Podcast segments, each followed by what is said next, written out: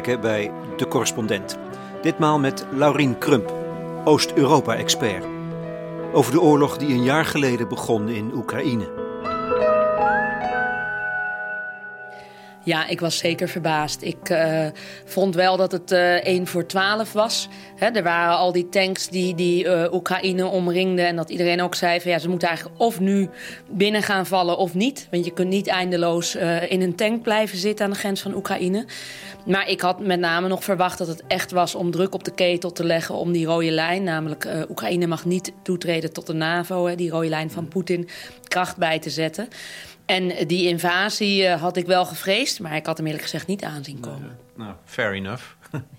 ja, ik was gelukkig niet de enige. Maar ik werd de avond daarvoor nog bij op één in de reden gevallen toen ik dit ook zei, maar nog wilde toevoegen van hè, het is wel één voor twaalf, want ze moeten wel gauw een beslissing nemen. Uh, maar ik heb, ik heb dit net als zoveel niet, niet gezien dat dit zo snel zou escaleren. En ik, ik vraag me trouwens ook nog af, nog steeds, of het niet een plan B was uh, van Poetin. In die zin dat het allemaal zo knullig was met uh, tanks waarvan uh, de banden nauwelijks goed waren opgepompt of verwisseld hadden moeten worden. Die vervolgens vast kwamen te zitten omdat die banden te leeg waren. Dat ik denk van was het toch niet met name om een vuist te maken. Dat heeft de Sovjet-Unie tijdens de Koude Oorlog ook heel vaak gedaan. Denk aan 1980, 81 rondom Polen. Gewoon een heel land met tanks omcirkelen en dan uh, hopen dat er op binnenlands niveau wat gaat schuiven. Dus ik denk, ik, het zou me nog steeds niet verbazen als Poetin dacht dat dit machtsvertoon zou leiden tot concessies van het Westen bijvoorbeeld. En toen hij merkte dat dat niet zo was, die dacht van nou, nu, nu, uh, nu, nu, krijgen ze er van langs.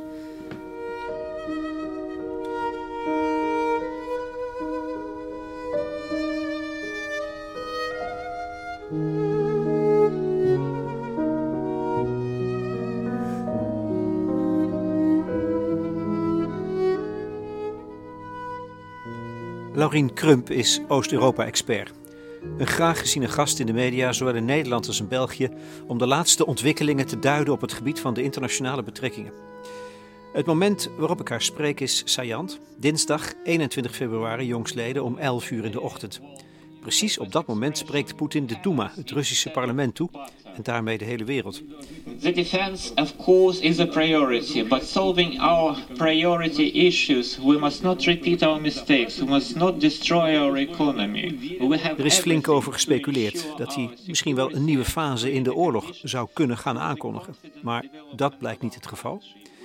Afgezien van het opzeggen van het startverdrag, ernstig genoeg, de laatste belemmering in het gebruik van kernwapens, lijkt een kalme en zelfverzekerde Poetin vooral een geruststellend beeld van de economie te willen schetsen voor de Russen zelf. Vorig jaar kon eigenlijk niemand geloven dat Poetin het buurland Oekraïne daadwerkelijk met zijn leger zou willen binnenvallen. Ook de zogeheten realisten niet, die toch altijd een nuchtere kijk hebben op de internationale betrekkingen. Leidt het Westen misschien aan een tunnelvisie? Poetin, zo moet je achteraf constateren, is immers al jaren bezig geweest om zijn visie te ontwikkelen. Ja, dat klopt. Dat lees je veel. Hè? Dat de realistische stroom van internationale betrekkingen... die staten als een soort biljartballen ziet. Uh, hè? En, en, met allerlei eigen belangen. En dat, dat, kan, uh, dat kan clashen. Dit niet heeft zien aankomen. Nu hebben denk ik zoveel stromingen en zoveel mensen dit niet zien aankomen. Ik denk dat er ook een geografisch aspect is. Dat de Baltische landen en Polen... die uh, natuurlijk grenzen aan Rusland al veel langer aan de bel hebben getrokken... en zeiden, deze retoriek moeten we serieus nemen... Um, dus ja, een tunnelvisie. Ik denk wat, wat er ook aan de hand is, is dat mensen eigenlijk hadden onderschat uh, dat het nog mogelijk zou zijn om anno uh, 2022 een, een oorlog met conventionele wapens te voeren. En dat is los van die realistische school, was eigenlijk de verwachting van hè, een oorlogen zijn hybride of het wordt een informatieoorlog. Dat er eigenlijk werd gedacht, Rusland is op de tour van zich mengen in binnenlandse verkiezingen, zoals ook in de VS. Uh, eh, en niet, we gaan er weer met tanks op af. Ik weet nog toen ik um, in 2010 aan mijn proefschrift begon. Uh, over het Warschau-pact. Dat mensen en ook collega's tegen me zeiden van... nou ja, dat is echt een eenrichtingsverkeer richting werkloosheid bijna. Want militaire geschiedenis, Oost-Europa, diplomatieke betrekkingen... zelfs dat was al bijna een vies woord in, in, in, de, ja, in de wetenschap. Uh, Koude Oorlog dat is allemaal al lang passé. En dan dacht ik van ja, de Tweede Wereld is toch ook voorbij, oorlog is toch ook voorbij. Hoe kan een historicus dat nou zeggen? Maar het gaat dus niet alleen over dat realisme, maar deze hele manier van nadenken en, en, en tanks, loopgraven hebben we zelfs weer uh, meer dan 100 jaar na de Eerste Wereldoorlog. Ik denk dat eigenlijk in het Westen uh, de meeste mensen dachten dat hebben we allemaal achter ons gelaten. En dat grijpt denk ik terug op iets nog veel essentiëlers, uh, waar ook een wortel, niet de wortel ligt van dit conflict. Ja, dat is het einde van de Koude Oorlog. Toen Francis Fukuyama, een bekende politicoloog, het al had over the end of history. Van hè, dit is het einde van de geschiedenis. We koersen eigenlijk allemaal uh, richting de liberale democratie en er is geen weg meer terug. Nou, daarvan werd al uh, langer gezegd dat is achterhaald. Maar dat er eigenlijk zou je kunnen zeggen, zie ik sinds het einde van de Koude Oorlog in het Westen een soort tunnelvisie waarin wel werd nagedacht over hoe kunnen we de Oost- en Centraal-Europese landen integreren in de NAVO en in de Europese Unie. Maar eigenlijk helemaal niet over Rusland. Hè. Rusland werd als irrelevant gezien. Uh, uh, Bush senior zei uh, destijds letterlijk we won the, the Cold War and they didn't. Uh, they cannot clutch victory from the jaws of defeat. Hè? Dus de Russen, ja, die hebben helemaal niks gewonnen. Dus die moeten zich maar koest houden. Die werden gewoon echt buitenspel gezet als losers. En ja, precies. En dat is ook een tunnelvisie. Dus, uh, dus behalve uh, Poetins retoriek over ja, Ruski Mir en het uitbreiden van Rusland en wat er allemaal vroeger bij Rusland hoorde. En die retoriek is inderdaad niet voldoende serieus genomen is de retoriek van uh, Poetin, die wel degelijk ook past bij de realistische school, gewoon geopolitiek. Dat hij al tien jaar lang zei: ja, als wij niet relevant worden bevonden in niet diplomatie, dan vinden we wel een andere manier om relevant te zijn. Ook die retoriek, en die zou je realistisch kunnen noemen, ook die uh, uh, retoriek hebben we niet serieus genomen. Toen hij in december 2021 zei: ik, ik, trek een rode lijn. Hè, dat ging over Oekraïne dat niet mocht toetreden tot de NAVO. Toen heeft volgens mij geen regeringsleider gedacht dat hij met die rode lijn daadwerkelijk bedoelde dat die Oekraïne binnen zou vallen. En die rode lijn zou je een heel realistische rode lijn kunnen, kunnen, kunnen noemen. Hè? Dat wordt ook vaak gezegd van ja, dit is eigenlijk een soort 19e eeuwse machtspolitiek van invloedssferen. Nou, dat is precies waar die realistische school om gaat. Dus ik denk dat er een heleboel tunnelvisies naast elkaar leven en leefden. Met de kennis van nu is het heel makkelijk om uh, achteraf te zeggen... Ja, dat of dat hadden we serieuzer moeten nemen. Maar ik zie in eigenlijk alle scholingen, uh, scholen, stromingen enzovoort... of het nou Ruslandkenners zijn of experts in internationale betrekkingen... dat iedereen heeft wel ergens iets niet op waarde geschat achteraf gezien een van de dingen die misschien wel het interessant zijn dan daarin, in dat perspectief, als je dat, als je dat zo schetst, is, is de ontwikkeling van Oekraïne zelf. Misschien is dat wel het meest verbazingwekkende. Want nou ja, in mijn gesprek met André Gerrits uh, van een jaar geleden, een paar dagen, misschien wel tien dagen voor het uitbreken van die oorlog, was hij eigenlijk uh, behoorlijk denigrerend over het land zelf. Als een door en door corrupte staat, niet waard om een Tweede Wereld of een Derde Wereldoorlog over te gaan voeren. En het is misschien wel steeds zo gezien als een soort land van niks. Ligt daar niet de grootste verrassing nu? Ja, ook daar zou ik willen zeggen ligt een hele grote verrassing. Want eigenlijk zie je dat het afgelopen jaar ongeveer alles op zijn kop heeft gestaan. De NAVO die zogenaamd hersendood was en nu uh, stabieler, of stabieler of in ieder geval krachtdaadkrachtiger dan ooit tevoren. De EU die verenigder is dan ooit. Maar ook hierin zie je dat uh, van Oekraïne inderdaad werd gezegd van ja, dat is een, een, een voormalige Sovjet-republiek, een beetje een ver van, van onze bedshow. Jammer dat Poetin uh, de Krim heeft ingenomen, maar ja, historisch gezien uh, hè, hoorde de Krim ook wel een beetje bij Rusland. Dus wat er in Oekraïne precies gebeurde, werd een beetje onder het tapijt geschoven. Je zag dat ook met het associatieverdrag, hè, waar de Nederlanders uiteindelijk tegen hebben gestemd. Van nou, dat is toch een corrupt land, daar willen we niet zoveel mee te maken hebben. Net als dat we nou, soms ook niet zo fijn lijken te vinden dat Roemenen bij, bij de EU zitten. En met we bedoel ik het grote publiek hoor, niet ikzelf. Dus Oekraïne werd een beetje in die league. Roemenië, Bulgarije, Oekraïne, waar het allemaal niet goed, uh, goed op orde is. En heeft dat wel meerwaarde voor ons. En je ziet inderdaad dat daar uh, tij volledig gekeerd is. Ik weet nog dat ik. Um, op de dag van de invasie en de dag daarna zat ik de, van ochtends vroeg tot avonds laat in, in Hilversum ook in allemaal breaking news uitzendingen, onder andere van de NOS. En dan zie je die beelden ook echt live en ongefilterd de studio's binnenkomen. En die moet je dan bijna direct gaan interpreteren. En toen was het nog van, hè, de Russen zijn nu op 9 kilometer van Kiev vandaan. En dat er echt het idee was van, nou, vandaag of morgen gaat Kiev vallen.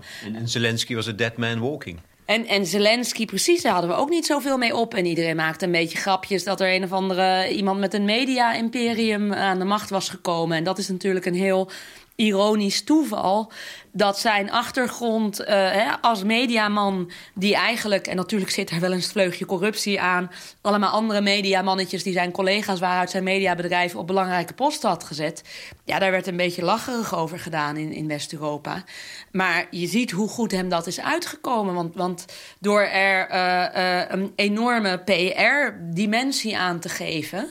Ook daardoor is het Zelensky gelukt om te zorgen dat dit elke dag weer voorpagina is, hè, nieuws is. Hè. Gisteren is, is, is Biden dan weer in Kiev. Uh, vrijdag was het Rutte. Iedereen strijdt ongeveer om wie mag er bij Zelensky op visite. Draagt hij dan wel of niet zijn legergroene trui? Nou, antwoord is eigenlijk altijd ja. Maar zo zorgt hij dat dit allemaal vers blijft in onze hoofden. Terwijl je eigenlijk kan zeggen: van nou, de afgelopen, het afgelopen jaar toch wel heel veel herhaling van zetten. Nou, als we dan Poetin net op televisie zien zeggen... jongen, jongen, die zegt weer hetzelfde. Nou, Zelensky heeft ongeveer alle parlementen van de hele wereld toegesproken... en weet dat toch steeds weer op zo'n manier te doen... dat het voorpagina nieuws is. Dus dat is heel knap en dat hadden we absoluut niet zien aankomen. En dat is bijna een soort Griekse tragedie. Dat noem je dan dramatische ironie. Dat een soort kantelpunt is. En waarbij onderboven wordt en, en andersom. En dat zie je hier dus ook, dat, dat waar men Zelensky een beetje om uitlachte, dat blijkt nu zijn allergrootste troefkaart te zijn. En de ironie is ook, als het gaat over hè, de, de, zijn achtergrond als acteur, dat. Ja, ik las een roman van Da Empoli, de Kremlin-fluisteraar. Ik weet niet of je die toevallig kent. Hij heeft veel gesproken met de spindokter van, uh, van Poetin. Dat een oligarch in de amusementsindustrie, de een televisiebaas, heeft in in het, aan het einde van het tijdperk Yeltsin deze Poetin naar voren geschoven. Zo van, nou, dat is, een, was toen baas van de, van de geheime dienst. Die kunnen we wel sturen. We hebben zo'n mannetje nodig dat wij dan wel kunnen sturen. Over ironie gesproken. Ja, dat, dat is heel ironisch. Poetin werd ooit gezien als een soort... Uh veelbelovende, jonge, dynamische kerel. Los van wat je van zijn politieke overtuiging uh, vond. Eh, die, die, die, het zou lukken om Rusland weer eens goed op de kaart te zetten. Nou ja, je kunt zeggen, hij heeft Rusland op de kaart gezet. Niet, niet, niet op een positieve manier, maar ook Rusland is natuurlijk iedere dag voor pagina nieuws. Dus dat is hem wel gelukt. Maar als je hem uh, ziet en je zet hem af tegen, uh, tegen Zelensky ja, dan, dan is het eigenlijk een heel miserig mannetje. En zelfs vanuit Rusland en ook juist uh, Russische uh, uh, Russen die pro-oorlog zijn, hoor je nu heel erg kritiek. Ook als ze bijvoorbeeld Poetin met Biden vergelijken. Dus er ging gisteren, deed er van alles de ronde in Rusland, ook op social media. Waarbij werd gezegd van, enerzijds zie je in, in, in Kiev, wat is het, een 80-plusser... die met een soort veerkrachtige tred door Kiev gaat... die zich door niets en niemand laat afleiden... die zich niet door een luchtalarm nerveus laat maken... En die uh, nog een paar uh, hele gevatte woorden weet te zeggen ook.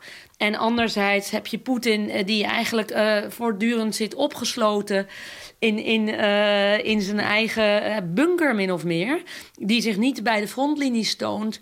En die natuurlijk niet, niet die retoriek ook heeft. Maar ook natuurlijk niet het gelijk aan zijn kant om mensen echt te mobiliseren. Anderzijds denk ik dat we niet moeten onderschatten dat juist die lange duur van de oorlog nu Poetin ook best wel in de kaart speelt.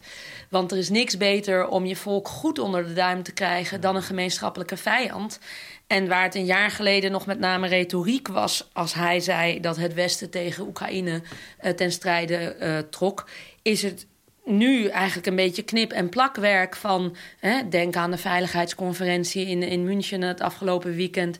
de toespraak van Biden uh, gisteren, een paar uitspraken van Mark Rutte. Uh, iedereen zegt, we gaan door tot het bittere einde, we sturen wapens... Zolang Zelensky erom vraagt, het kan niet offensief genoeg zijn... misschien zelfs gevechtsvliegtuigen... Ja, je hoeft dat maar aan de Russen op televisie te laten zien. En een beetje uit de context te rukken, nog geen eens zo heel veel, om het Russische volk te laten zien. Zie je wel, dit is een existentiële oorlog. En het hele Westen is erop uit om Rusland onder de voet te lopen. Maar het, al met al is een van de averechtse effecten van die aanval van een jaar geleden. dat de ontwikkeling van Oekraïne. dat blijkt dus opeens een, een volk te zijn en een, een sterk uit te groeien tot een sterk land? Of, of, of is dat opnieuw mijn westerse blik die, uh, die het slecht gezien heeft, zodat ik daarover verbaasd kan zijn? Nou, ik denk dat je eigenlijk hè, vanaf, vanaf de protesten in de Maidan en ook al eerder met al. 2014 was dat al. Ja, klopt. En ook al eerder met al die kleuren, kleurenrevoluties, zo'n tien jaar eerder hadden we wel al kunnen zien dat daar een, een sterke, hè, een soort civil society, zo'n soort tussenlaag met alle maatschappelijke eh, organisaties enzovoort, vrijheid van meningsuiting aan het ontstaan was. Dus die beweging was al wel gaande. Maar uh, Juist ook, hè, ik had het net over het hebben van een gemeenschappelijke vijand. Maar dat geldt natuurlijk ook andersom. Je ziet dat met als gemeenschappelijke vijand Rusland. Dat Oekraïense volk, wat natuurlijk op zich best wel verdeeld was. En ik zeg was. En waar allerlei kleuren waren van ultranationalistisch tot helemaal niet zich natuurlijk enorm als één man nu achter Zelensky heeft verenigd. En dat dit opeens een gemeenschappelijk doel geeft voor een volk dat best wel verdeeld was in allerlei opzichten. Religieus, politiek, uh, geografisch, noem maar op. Economisch ook. Dus ik denk dat, dat uh, deze oorlog ook, ook dat volk echt een enorme impuls heeft gegeven. Zoals het ook de NAVO en de EU op een ander niveau een impuls heeft gegeven. En daarnaast zien we een, een vastberadenheid en ook een moed die eigenlijk ongekend is. En dat is denk ik deels die gemeenschappelijke vijand.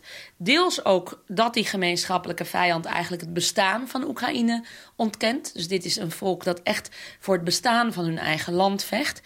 En natuurlijk ook een leider uh, die in Kiev bleek, ook toen we nog dachten dat, dat Kiev ging vallen. Uh, die gewoon naar de troepen gaat, die, die, die uh, dagelijks voorpagina nieuws is. En die zijn volk weet te mobiliseren. Dus er is iets, ja, er waren wel een soort, soort zaadjes, een kiemen van aanwezig. Maar er is iets uitgegroeid wat we inderdaad niet voor mogelijk hadden gehouden. Maar waar we wel al wat signalen van hadden kunnen zien. Hè, dat volk is natuurlijk meerdere keren in opstand gekomen. Het wilde heel graag bij de Europese Unie horen. Althans, een groot deel wilde dat. Dus dat is allemaal niet nieuw. Maar dat dat heeft geleid tot zo'n vastberaden en moedig en ook succesvol verzet tegen de Russen. dat hadden we niet kunnen bevroeden.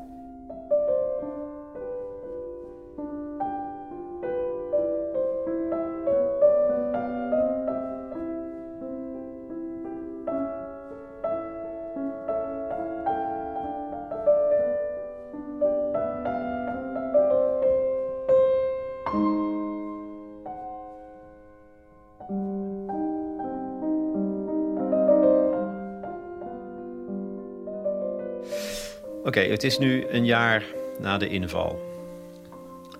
Die vriend en vijand verrast heeft. Um, heb jij het idee dat je een, nu een beter beeld hebt van Poetin? Misschien wel ook al als mens, maar ook als, als leider van een groot machtsblok. Met wat, wat zijn intenties zijn. Hoe je naar hem moet kijken. Heb jij dat? Is jouw beeld bijgesteld? Nou, ik blijf het een, een, een ongeleid projectiel vinden, eerlijk gezegd. Ook nou, onvoorspelbaar misschien niet. Aan het begin van de oorlog vond ik hem onvoorspelbaarder. En ik denk velen met mij, omdat we die oorlog hadden, niet hadden zien aankomen. Maar zoals we net al zeiden over zijn toespraak vandaag, ja, dan lijkt het wel een beetje een langspeelplaat die, die vast is komen te zitten. Nou ja, ik vond hem dus ook opvallend ontspannen, maar ook wel iets gek genoeg van iets van zelfvertrouwen uitstralen op het moment dat hij praat over binnenlandse aspecten van de economie in Rusland. Ja, dat klopt. Hè? Hij maakt een hele kalme en beheerste indruk. En ook eigenlijk alsof er helemaal uh, ik vond toen het over dat binnenlandse, uh, de binnenlandse economie was, die, had, die zo'n boost had gekregen, dat het net leek alsof er geen oorlog in Oekraïne was op dat gebied. Maar alsof dit gewoon een leider was die een paar successen met zijn, uh, met zijn land aan het delen was. En dat... maar, maar goed, in ieder geval minder, on, minder ongeleid projectiel, dat idee heb jij. Of ja, nou nog wel ongeleid projectiel, maar minder onvoorspelbaar. In die zin dat we nu wel een beetje weten wat hij allemaal uit de kast trekt. Variërend van nazi's tot uh, duivels, uh, uh, tot westerse decadentie aan toe. En ook de manier waarop hij alles precies op zijn kop zet. Hè? Dus het Westen valt Rusland aan in, in plaats van andersom. En Rusland bevrijdt Oekraïne. Dat is natuurlijk een betoog dat we eigenlijk al een jaar lang horen. Dus wat dat betreft is er eigenlijk minder gaan schuiven dan je zou verwachten. Ten meer omdat Rusland natuurlijk veel minder succes boekt en veel grotere verliezen leidt dan gedacht. Dus wat ik eigenlijk bijna merkwaardig vind, is dat je zou denken, gezien het feit dat die oorlog toch wel heel desastreus voor de Russen lijkt uit te pakken, zou je denken dat Poetin een beetje van, van koers zou uh, veranderen. Maar over tunnelvisies gesproken, het lijkt alsof hij ook maar eigenlijk één tunnelvisie heeft en zich daar een beetje in, in vastbijt.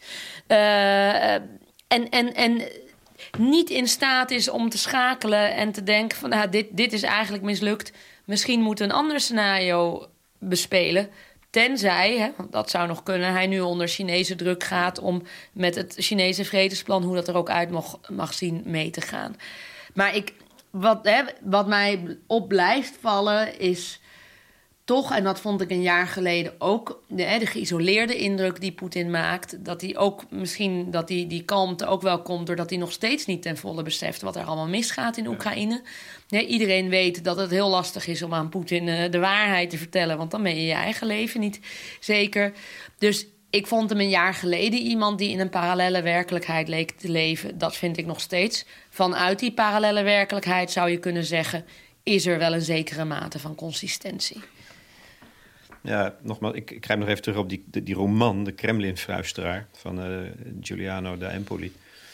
Die nog eens uitdrukkelijk zegt: ja, hij, hij, is een, hij is spion geweest. En toen het, de Sovjet-Unie in elkaar donderde, zat hij buiten het land in, in Oost-Duitsland als spion. Hij heeft de geest van een spion. En die zal altijd denken in termen van wantrouwen. Eh, paranoia.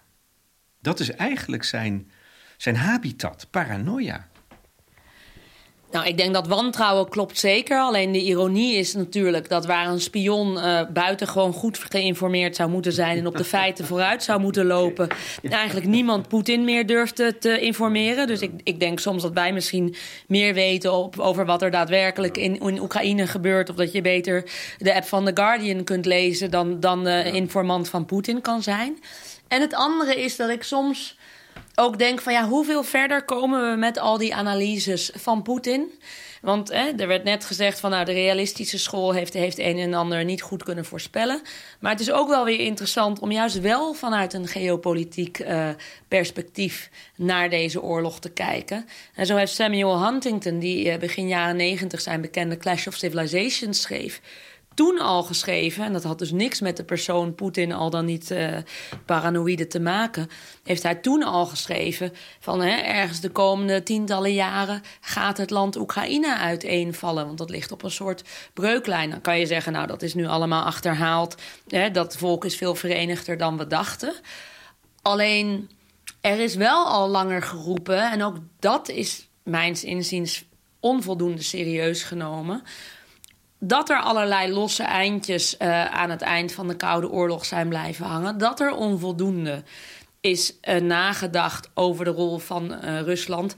Dat als een soort Billy boekenkast van Ikea, waar je telkens weer een Billy boekenkast aan vastbouwt. De NAVO en de Europese Unie, toen nog de Europese gemeenschap, telkens meer oostwaarts zijn gaan uitbreiden. Totdat ongeveer alle Warschau, voormalig Warschau-paklanden erin zaten, behalve Rusland. En dat dat consequenties zou hebben. Dat zijn ook allemaal vragen die wel her en der hmm. naar boven zijn gekomen. En waarvan ik denk dat los van de persoon Poetin, dat die NAVO-uitbreiding voor Rusland bedreigend is. Dat dat natuurlijk best wel logisch is. En daarmee bedoel ik op geen enkele manier uh, uh, ook maar één zet vanuit Russische kant goed te praten of te legitimeren. Helemaal niet. Maar wel om te zeggen dat als we ons alleen op de persoon Poetin focussen, ja, daar lossen we helemaal niks mee op. Want die is er. En zelfs als hij uit het zadel wordt geholpen, komt er misschien iemand die nog erger is. er zal niet een soort Gorbachev uh, nummer twee in het zadel komen in Rusland op korte termijn. Maar als je kijkt op een soort langere termijn sinds 1990, dan zie je dat er al langer angst is voor wat betekent die NAVO-uitbreiding. Uh, ook, ook Gorbachev zette vraagtekens bij die uitbreiding van de NAVO en vroeg zich af welke dreiging vormt Rusland nu? Waar is dat een antwoord op? In uh, Amerika was die uitbreiding in de jaren negentig buitengewoon omstreden. En George Kennan, de, de, de architect van containment, dat is die indammingsfilosofie. Van je moet de, de, de expansie van de Sovjet-Unie en, enzovoorts moet je proberen in te dammen. Maar ook George Kennan heeft toen in de jaren negentig, toen hij bijna zelf negentig was, gezegd dat de NAVO-uitbreiding a policy error of historic proportions was. En dat de American founding fathers would turn in their graves. En dat is echt voor Amerikanen enorm sterke taal om te zeggen dat de founding fathers zich in hun graf zouden omdraaien vanwege die NAVO-uitbreiding. Want die heeft toen gezegd: dit wordt een soort self-fulfilling prophecy. De NAVO breidt uit. En nu ga ik terugkomen op dat wantrouwen waar je het net over had. De NAVO breidt uit. De Russen gaan zich bedreigd voelen. Nou, in de Russische mindset is de aanval altijd de beste verdediging. Dus op een gegeven moment gaan ze aanvallen. En dan zeggen, zeggen degenen die de NAVO willen uitbreiden... zie je nou wel dat we gelijk hadden? We, we hadden de NAVO moeten uitbreiden omdat Rusland ons aanvalt. En zelfs in Groot-Brittannië is er destijds in de jaren negentig gezegd... we moeten de NAVO uitbreiden. We moeten dat in één klap doen... met al die Oost- en Centraal-Europese landen... En daarna kappen we ermee. Want zolang die NAVO-uitbreiding boven de markt blijft hangen, blijft er een sfeer van dreiging voor Rusland. En ook Jaap de Hoop Scheffer, voormalig secretaris-generaal van de NAVO, is erop teruggekomen dat hè, toen hij in. Uh, uh, wanneer was het? 2009 in, in, in, in Boekarest onder druk, of 2012, uh, onder druk van de Amerikanen eigenlijk zei: hè, die open door policy, dat ook Georgië en Oekraïne ooit op den duur tot de NAVO zouden mogen toetreden. Daarvan zegt hij nu zelf ook, ja, dat was een fout en dat had ik eigenlijk niet gewild. En hij werd onder druk gezet door de Amerikanen. S'avonds vond hij nog het ene en na het ontbijt weer het ander. Dus en het lastige van dit narratief is, hè, dat, dat is ook weer een parallele werkelijkheid naast al die andere werkelijkheden, waarvan mensen die, die uh, bijvoorbeeld ook tegen het realisme zijn. En ik ben helemaal geen voorstander van het realisme, maar ik vind het te gemakkelijk om te zeggen: één stroming heeft een verkeerde analyse gehad. Maar hè, daarvan wordt al heel gauw gezegd: van je bent een soort Poetin-versteer en ja, uh, je, eigenlijk sta je aan de kant van Poetin. Absoluut niet. Alleen dat is wel ook een belangrijke analyse om te begrijpen dat je niet een voormalig, en nu kom ik terug op jouw eerdere vraag, dat je niet een voormalige KGB-spion met wantrouwen en paranoia nodig hebt om als Rus te denken dat er een dreiging van die uitbreiding van de NAVO uitgaat. Nee, maar dat begrijp ik. Maar het gaat mij om niet eens om de, misschien niet eens om de persoonlijkheid van Poetin, maar wel om een manier van denken. En om, om, om een visie. Want hij heeft zich ook omringd met mensen uit die kringen, veiligheidsmensen. Dus het is een, een systeem van denken in termen van uh, bedreigd worden. En waar zit de vijand? Dat is, en dat vond ik wel verhelderend. Um, uh, en dan hoeft hij niet eens zelf paranoia te zijn, maar dat is gewoon zijn werk geweest, als het ware.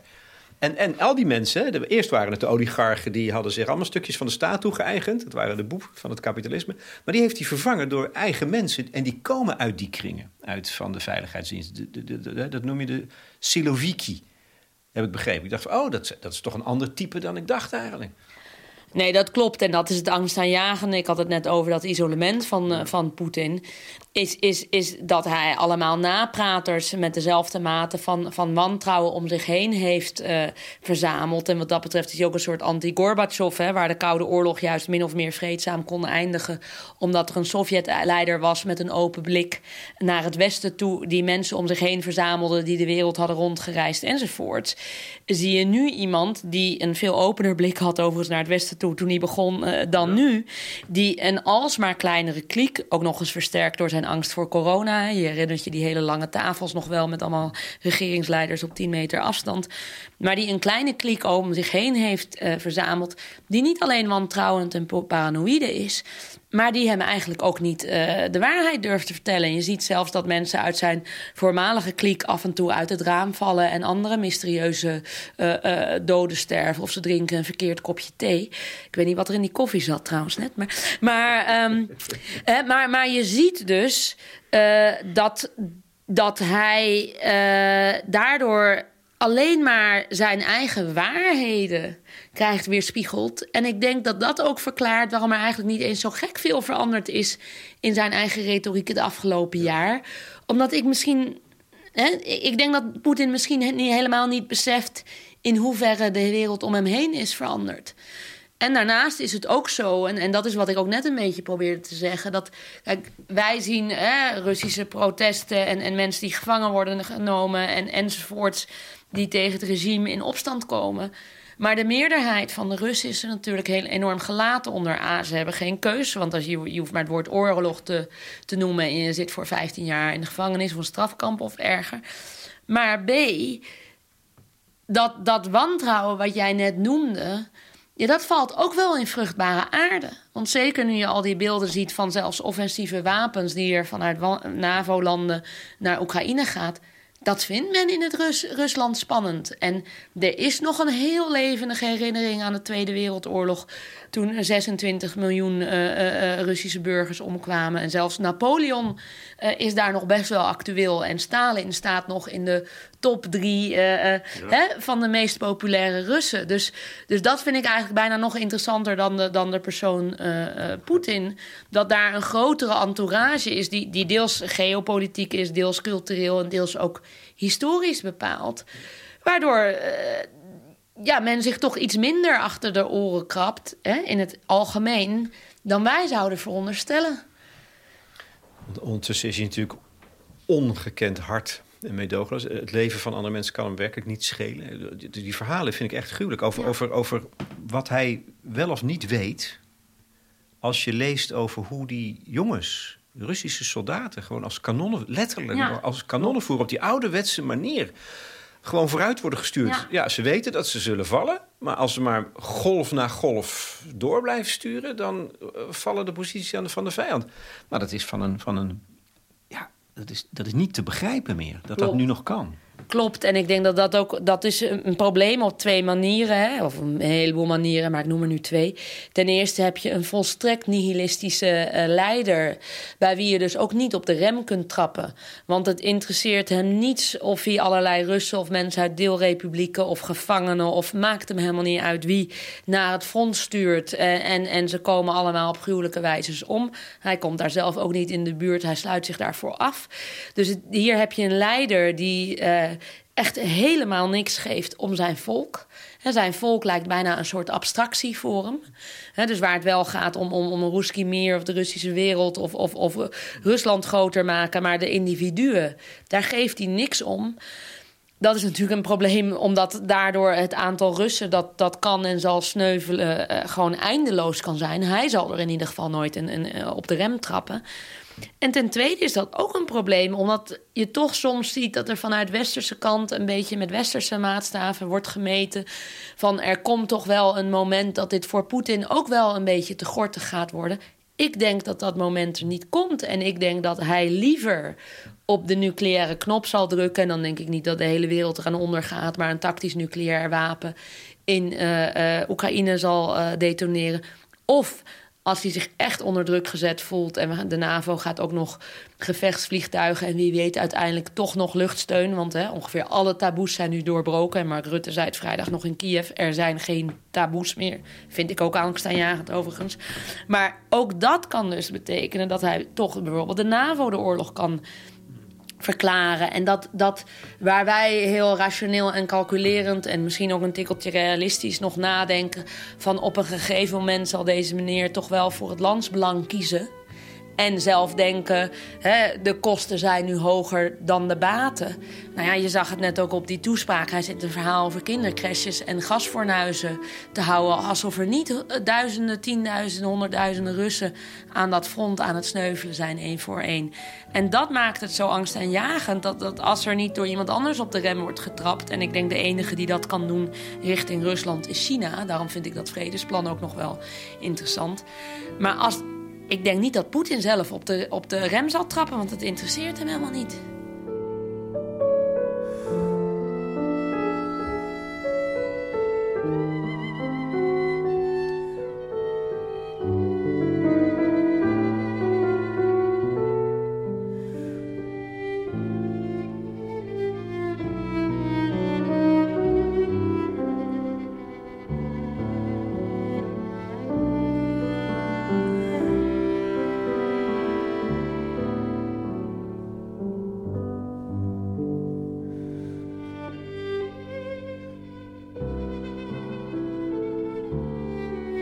Wat zegt dat dan?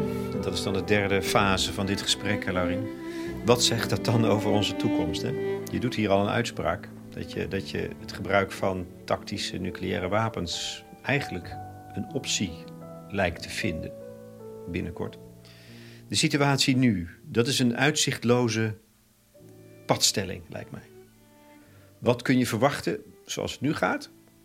Jaren oorlog, in feite die, waar, waar heel weinig verandering in zal plaatsvinden. Dat is de meest reële verwachting, denk ik. Ja, dat is ook weer angstaanjagend dat er eigenlijk geen exit-strategie uh, is. Hè. Om, over het gebruik van het nucleaire wapen gesproken.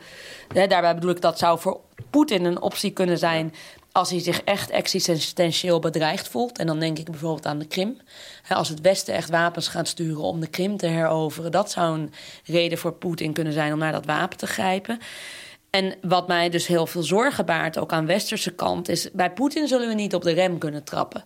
Dus, dus, dus als je iets uh, uh, als je een uit een ander vaatje wilt tappen, zou dat vanuit het westen moeten komen. Ja, tenzij China met een heel briljant plan komt waar iedereen zich achter schaart. Maar dat acht ik nou nog onwaarschijnlijk. Maar... Ze manen het westen al tot, tot behoedzaamheid.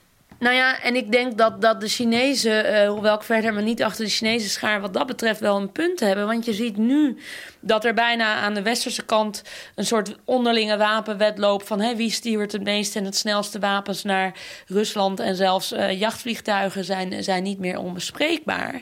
Uh, of naar Oekraïne bedoel ik. Terwijl je uiteindelijk, door wat wij net zeiden, dat nihilisme van Poetin daar draaien de wapenfabrieken al drie dubbele shifts. Terwijl het hier tien, jaar, tien maanden duurt voordat er een kogel wordt gefabriceerd in de EU. En daar wordt nu een plan voor gemaakt om dat te voorkomen. Maar wat je dus ziet aan de westerse kant is dat er tot nu toe nog heel erg wordt gedacht aan hoe steunen we Zelensky in de oorlog. Maar Poetin zal doorgaan tot het bittere einde. Dus als dat het enige scenario is, en dan kan dit nog eindeloos jaren zo doorgaan. En Wopke Hoekstra, onze minister van Buitenlandse Zaken, had uh, gisteren uh, in het AD een vergelijking met de Sovjet-invasie in Afghanistan 1979, waarmee hij bedoelde te zeggen: de Sovjets zaten tien jaar vast, maar uiteindelijk verloren ze. Nou, dat vind ik om meerdere redenen een angstaanjagende vergelijking. Ten eerste, ik mag hopen dat dit niet tien jaar gaat duren. Ten tweede, om in die termen van winnen en, en, en, en verliezen enzovoorts te denken. Ik denk van nou ja, ik hoop dat we iets, iets uh, creatiever kunnen omgaan met mogelijke oplossingen. En met name ten derde, wat is er gebeurd die tien jaar in Afghanistan?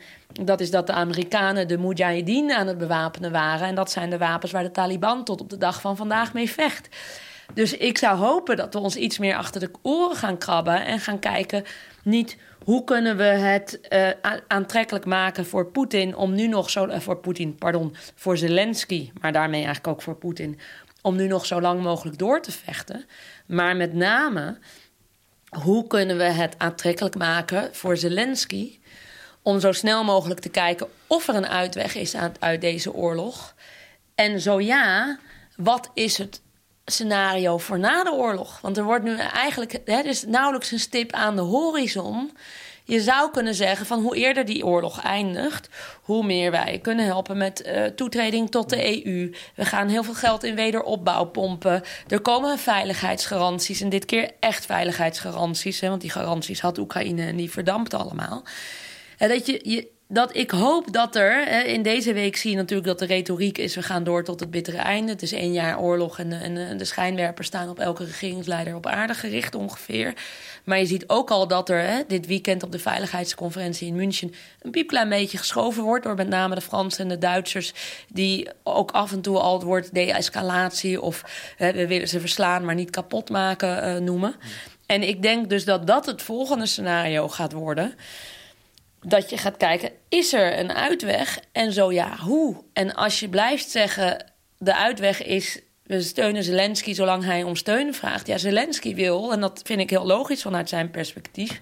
En dat klopt ook hè, binnen internationaal recht. Die wil alle Russen uit, uit uh, de Krim hebben en uit de Donbass. Maar dan kan het inderdaad nog tien jaar duren. En dan is ook de kans heel groot dat het uiteindelijk een soort bevroren conflict wordt. Met een wapenstilstand waarbij af en toe nog her en der met uh, munitie en met artillerie gevochten wordt. En dat er toch een moment komt dat we een beetje oorlogsmoe worden. En ik denk dat dat eigenlijk meer in het nadeel is van Oekraïne op de lange termijn. Want tegen die tijd is dat land ook gewoon al helemaal kapot. Dan te gaan nadenken. Is er een exit-strategie? Is er, hè, moeten we naar een nieuw soort Helsinki-akkoord? Maar wat zou dat, als je, als je het hebt over uh, creatieve oplossingen, Laurien, onderhandelen, dat is één. Maar dat lijkt op het ogenblik onmogelijk. Nou, wat interessant zou zijn, is dat ik snap de westerse sceptisch heel erg over dat Chinese vredesplan. En dat ze denken, het worden allemaal holle leuzen over soevereiniteit en, en territoriale integriteit enzovoorts. Aan de andere kant zou het wel interessant zijn om heel goed naar dat voorstel te kijken. Omdat de Chinezen de enige zijn die op de Russen invloed uit kunnen oefenen. oefenen Als de Chinezen hun impliciete uh, steun, of in ieder geval gebrek aan afkeuring als ze die zouden veranderen, dan heeft Poetin echt een heel groot probleem. Maar wat zou dat kunnen zijn? stoot een stukje van het oosten van Oekraïne af. Aan de ene kant en aan de andere kant toetreding tot, uh, tot Europa en de NAVO. Dat is veel, veel meer opties kan je niet bedenken, toch? Nee, klopt. Want Poetin zal met niks akkoord gaan. Met name dat, dat zou betekenen dat de Krim uh, uh, weer Oekraïns is. Ik bedoel, dat is het natuurlijk altijd geweest, maar niet in zijn optiek. Althans de laatste tientallen jaren. Dus je zou dan uh, kunnen denken, en ik snap dat dat onbespreekbaar is, maar in de wandelgangen heeft men het er in het Westen wel degelijk over. Aan een optie waarbij uh, uh, de Krim ja, of deels autonoom of, of, of, of toch Russisch is. Waarbij er over de Donbass, hè, eigenlijk wat al in de Minsk-akkoorden stond ruim een jaar geleden. waarbij de Donbass wat, wat autonomer wordt. En waarbij de rest van Oekraïne in, intact nou ja, blijft, uh, want dat is het dan niet meer, maar, maar is en duidelijk hè, echt soeverein is. Dus wat je moet voorkomen is dat er een, een, een soort compromis komt waarbij Rusland ook nog druk op Kiev gaat uitoefenen.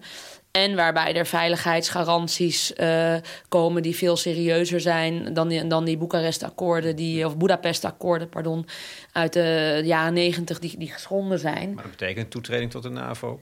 Nou, dat niet, want dat zou, dat zou voor de Russen onacceptabel zijn. Toetreding tot de EU? De Russen hebben al eerder gezegd, dat was al in mei volgens mij, dat ze een Oostenrijks model, en dat betekent dus wel EU, niet NAVO, dat, eh, dat ze dat uh, zouden accepteren. Dus je zou kunnen zeggen versneld toetreden tot de EU. Waarin overigens, dat wordt vaak vergeten, ook een, een, een een, een, een soort artikel 5 staat. Hè? Een aanval op één is een aanval op alle. Het is wat minder krachtig, want de Amerikanen zitten er niet bij. Maar je zou kunnen denken aan versnelde toetreding tot de EU en bijvoorbeeld de Amerikaanse, Britse uh, veiligheidsgaranties met nog een paar landen erbij. Frankrijk, uh, Duitsland, wie weet zelfs uh, Turkije. Om te zorgen dat uh, Oekraïne zich echt geen uh, zorgen meer hoeft te maken om over die Russische dreiging. Maar anderzijds dat Rusland niet hoeft te vrezen dat Oekraïne lid wordt van de NAVO. Maar vooralsnog is, en dat begrijp ik vanuit Zelensky's perspectief, ook die Krim voor Zelensky onbespreekbaar. En zolang dat zo blijft, uh, denk ik dat om de nihilistische redenen die ik net al noemde, Rusland door zal gaan tot het bittere einde. En zelfs hè, ook bereid zal zijn een nucleair wapen te gebruiken als het om de Krim gaat. Omdat Rusland dat echt als deel van Rusland ziet. En dat ook het strategische belang van de Krim en die haven Sevastopol zo groot is voor uh, Rusland. Dat ze de Krim niet, uh, niet zullen, zullen opgeven.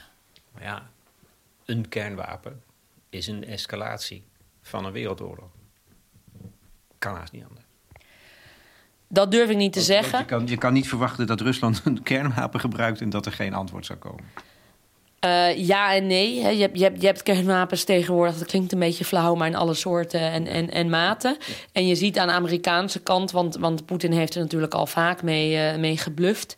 Je ziet aan de Amerikaanse kant dat er altijd wordt gezegd: er zullen serieuze consequenties zijn. Maar dat het ook wel weer veelzeggend is dat er niet wordt gezegd wat voor consequenties. Ik denk vooralsnog dat een kernwapen of een oorlog tegen de uh, NAVO uh, echt uh, Poetins plan I en Z zijn, bij wijze van spreken. Maar je ziet ook in de Am Amerikaanse analisten, daar gaan al scenario's de ronde van hoe langer deze oorlog duurt, hoe groter de kans is. We zagen ook, ook al, wanneer was het, in, in september, oktober, ergens in de herfst, dat zo'n raket op Pools grondgebied kwam. Die bleek uiteindelijk Oekraïns te zijn, maar als die Russisch was geweest, was dat een aanval van Rusland op een NAVO-land geweest. Dat al zou het maar door een vergissing zijn, is die kans dat dit volledig escaleert steeds groter. En daarom is het ook in westerse belang om nu wel aan die stip in de horizon te gaan denken en te gaan denken: wat zijn de exit-strategieën? En ook daarover het gesprek met Zelensky aan te gaan. En wat ik interessant vond van het bezoek aan Mark Rutte op vrijdag, dat was ook weer heel erg uit hetzelfde vaatje tappen. Hè. We gaan door, we verdedigen Zelensky tot het bittere einde. En, en Oekraïne en Zelensky bepaalt wanneer dat, dat is. En wat ik vervolgens interessant vond, is dat Mark Rutte zei: van nou, ik heb urenlang met hem gepraat om in zijn hoofd te kijken en ook een beetje om hem te beïnvloeden. Nou, ik weet niet wat, in hoeverre hij Zelensky ergens in heeft beïnvloed. Maar je zou natuurlijk als westerse landen op een gegeven moment, zelfs nu, nu het al over gevechtsvliegtuigen gaat, dat kunnen gebruiken om wel degelijk wat druk uit te oefenen op Zelensky en te zeggen: ja, er komt een moment dat we ook uit een, uh, een ander scenario moeten gaan bespelen dan alleen maar nog meer wapens. Ik probeer mij te, te verplaatsen in zijn positie. Nu hij dit land gebouwd heeft in een jaar tijd. Ja, ik kan dat nu nooit loslaten. Dat, de, de, manier waarop hij dat gedaan heeft. En de retoriek niet, maar ook de, de, de, praktijk niet. Dat is voor hem onmogelijk, denk ik. Nu, hè? Nu. Ja, voor Poetin is het ook onmogelijk. Dus dat maakt het zo, uh, zo lastig. Denk jij dat er een, een, een dat is dan het slot hoor, een, eigenlijk een hele nieuwe geopolitiek ontworpen moet worden? Om het even nog verder te kijken dan ja, dit conflict alleen. Ja, ik, ik, denk wel dat we inderdaad moeten uitzoomen en dat je opnieuw moet kijken naar een soort Europese veiligheidsarchitectuur. Ik noemde net al heel kort tussen neus en lippen door de Helsinki-slotakkoord uit 1975. Hè, toen alle Europese landen, de Verenigde Staten, Canada en, en de Sovjet-Unie samen hè, dat Helsinki-slotakkoord uh, maakten, waarin zowel mensenrechten werden vastgelegd als ook uh, uh, grenzen onschendbaar werden geacht je zou eigenlijk opnieuw zo'n soort pan-Europese of misschien zelfs mondiale conferentie uh, nodig hebben om in, in mondiaal, of in ieder geval pan-Europees, en daarbij bedoel ik dus heel Europa, ook buiten de EU en inclusief Rusland, afspraken te maken over hoe gaat de wereld eruit zien en wat betekent dat? En aan welke regels hebben we ons dan te houden? En je ziet ook in dit conflict dat alles is gaan schuiven. Hè? Het Westen vindt het een en Rusland vindt het ander. Maar er zitten allemaal landen in het mondiale zuiden, die uh, India, Pakistan, uh, Afrikaanse landen, die eigenlijk helemaal geen kleur durven te bekennen, omdat die deze oorlog weer door een heel andere lens zien.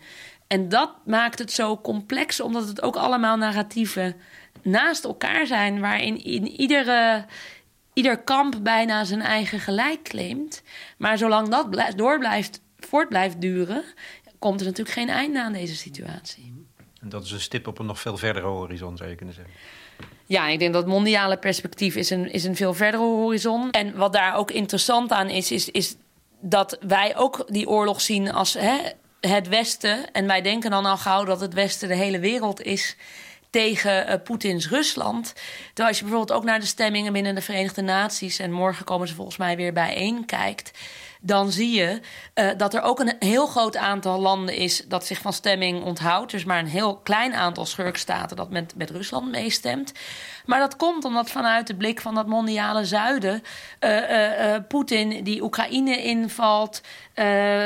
bijvoorbeeld te vergelijken is met Amerika die Irak en, of Afghanistan invallen. Dus dat is ook nog wel belangrijk hè, als je het hebt over nieuwe veiligheidsarchitectuur... en even uitzoomen dat wat wij dagelijks op de voorpagina's lezen of op de, de radio horen, is vanuit ons perspectief heel logisch. En het wordt bijna een soort geframed als een soort nieuwe Koude Oorlog. En zo framed Biden het duidelijk ook. Hè. Die is vandaag uh, in Polen uh, uh, de hele groegemeenschap aan het toespreken. Amerika heeft het Westen verenigd tegen Rusland. Zal min of meer zijn toespraken worden over toespraken gesproken. Maar er is ook nog een heel andere uh, uh, invalshoek. En ik denk als we ooit tot vrede willen komen en of een nieuwe veiligheidsarchitectuur, is het belangrijk om die invalshoek mee te nemen. En ook daarom vind ik dat Chinese vredesplan interessant. Waarschijnlijk zijn het holle frasen voor 99 procent. Maar al zit er maar voor 1 procent een aanknopingspunt aan... Wat, uh, waar het Westen wat mee kan...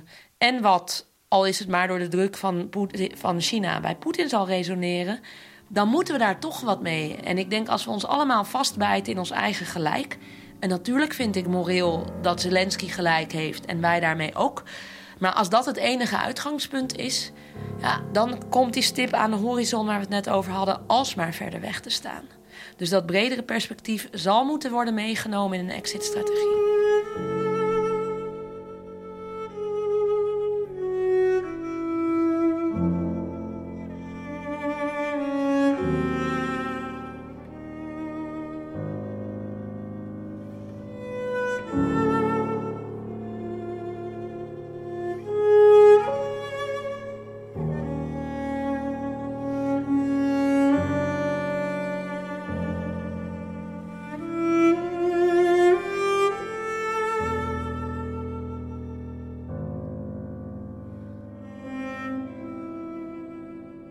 Van de manier waarop Europa opereert binnen die verhoudingen?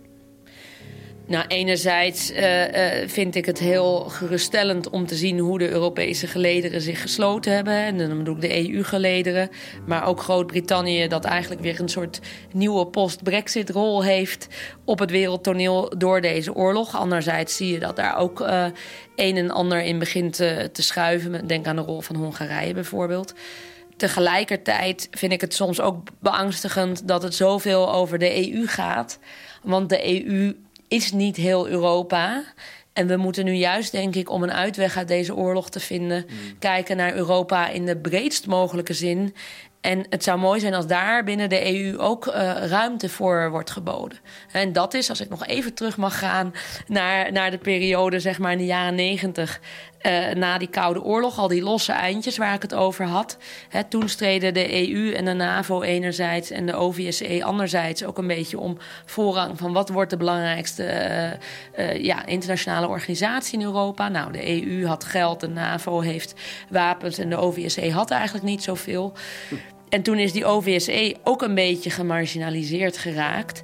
Terwijl dat tijdens de Koude Oorlog, toen was het nog de CVSE, de Conferentie voor Veiligheid en Samenwerking in Europa, de belangrijkste organisatie was. In de tweede helft van de Koude Oorlog om conflicten in goede banen te leiden. En eigenlijk hebben we zo'n organisatie, en dat is nu de OVSE, weer nodig. Juist om die dialoog met elkaar aan te gaan. Want het klinkt misschien heel soft en ook misschien heel fout om het nu te hebben over dialoog. Maar hoe het nu gaat met alleen maar wapens. Ja, er zijn twee kanten die niet gaan toegeven. En één kant die voortdurend bewapend wordt vanuit het Westen. En een andere kant die niet schroomt om al zijn mensen te voeren als kanonnenvoer. Dat kan eindeloos zo doorgaan. Dus we moeten toch ooit gaan kijken hoe we weer met elkaar in gesprek kunnen komen.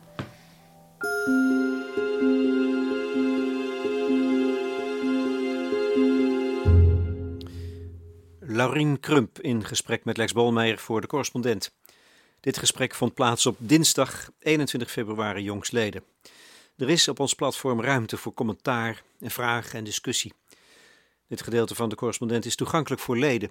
En je bent al lid voor negen tientjes per jaar. Daar krijg je dan een jaar lang constructieve kwaliteitsjournalistiek voor voorbij de baan van de dag. Daar streven we naar. Ten slotte een opmerking over de muziek. Ik gebruikte een nieuwe cd van Daniel Rowland en Boris Fedorov, The Messenger met muziek van Valentin Silvestrov, Oekraïense componist die een jaar geleden vluchtte uit Kiev.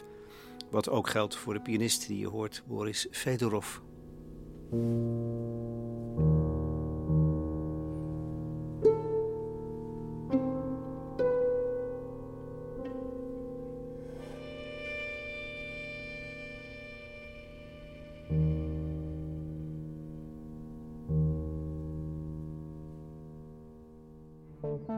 Is de missie van de correspondent om voorbij de waan van de dag te gaan. Onze correspondenten voorzien het nieuws van context en schrijven over de grote thema's van deze tijd. De correspondent geeft me de vrijheid om mijn nieuwsgierigheid te volgen en de tijd om verhalen te schrijven. En zo probeer ik onzichtbare structuren zichtbaar te maken en een andere kijk te bieden op debatten die het nieuws domineren. Dan gaat het minder over het spelletje en veel meer over wat er op het spel staat. Vanaf dag 1 zijn onze artikelen, boeken en podcasts gefinancierd door onze leden. Volg ons op onze journalistieke zoektocht. Overweeg eens lid te worden van de correspondent. En maak daarmee samen met ruim 70.000 anderen onze onafhankelijke journalistiek mogelijk. Dus word lid van de correspondent. Ja. Word lid. Word lid.